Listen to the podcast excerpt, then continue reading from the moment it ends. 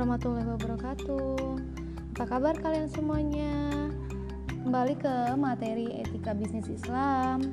Di hari pertama hari ini kita memberikan materi tentang etika ya. Oke. Menurut kalian etika itu apa sih? Oke, etika tuh terkait dengan adanya perilaku, kebiasaan, ataupun kegiatan kita sehari-hari yang terlahir dari mana yo? Dari diri kita. Jadi, etika atau dalam bahasa Inggris itu dikenal sebagai etik, yaitu sebuah kata yang berasal dari bahasa Yunani atau Greeks yang berarti kebiasaan menurut adat yang berlaku. Nah, itu dari etika.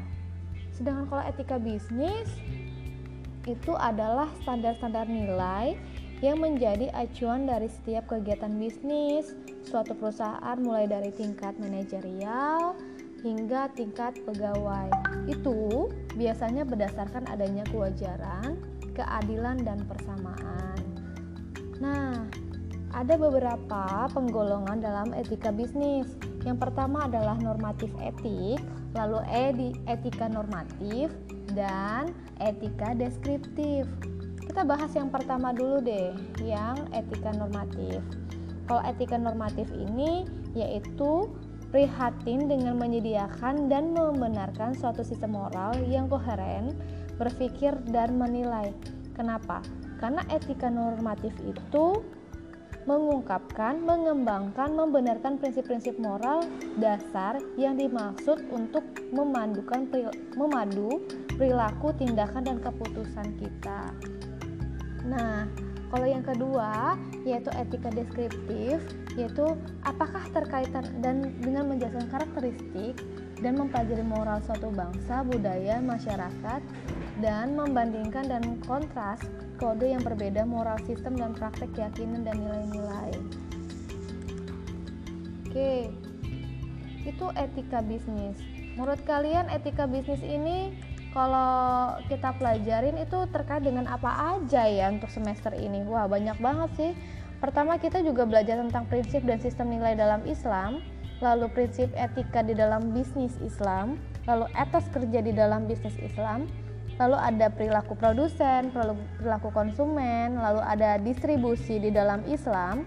Lalu kita juga bahas tentang CSR karena CSR ini yang memang harus kita dalami terkait dengan uh, ramah lingkungan ya teman-teman ya. Lalu ada bisnis konvensional versus Islam. Kira-kira kayak apa sih bisnis konvensional versus Islam ini beserta dengan kasus-kasusnya.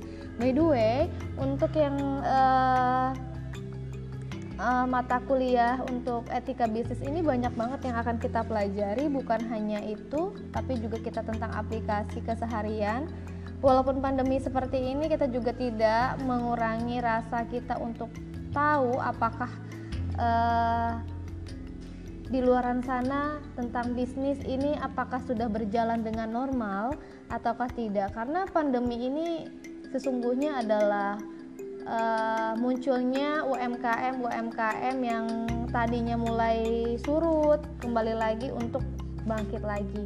Nah, ini yang akan kita bahas untuk yang namanya di semester ini.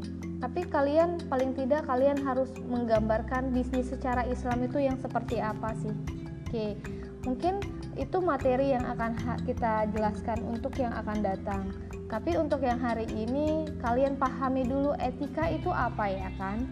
Karena etika ini adalah kebiasaan kita sehari-hari yang kita dinilai dari dalam keluarga kita, terus kebiasaan kita sehari-hari bukan hanya dari keluarga tapi dari orang-orang yang ada di luar kita juga. Jadi itu yang harus kalian pahami. Sampai jumpa di minggu yang akan datang.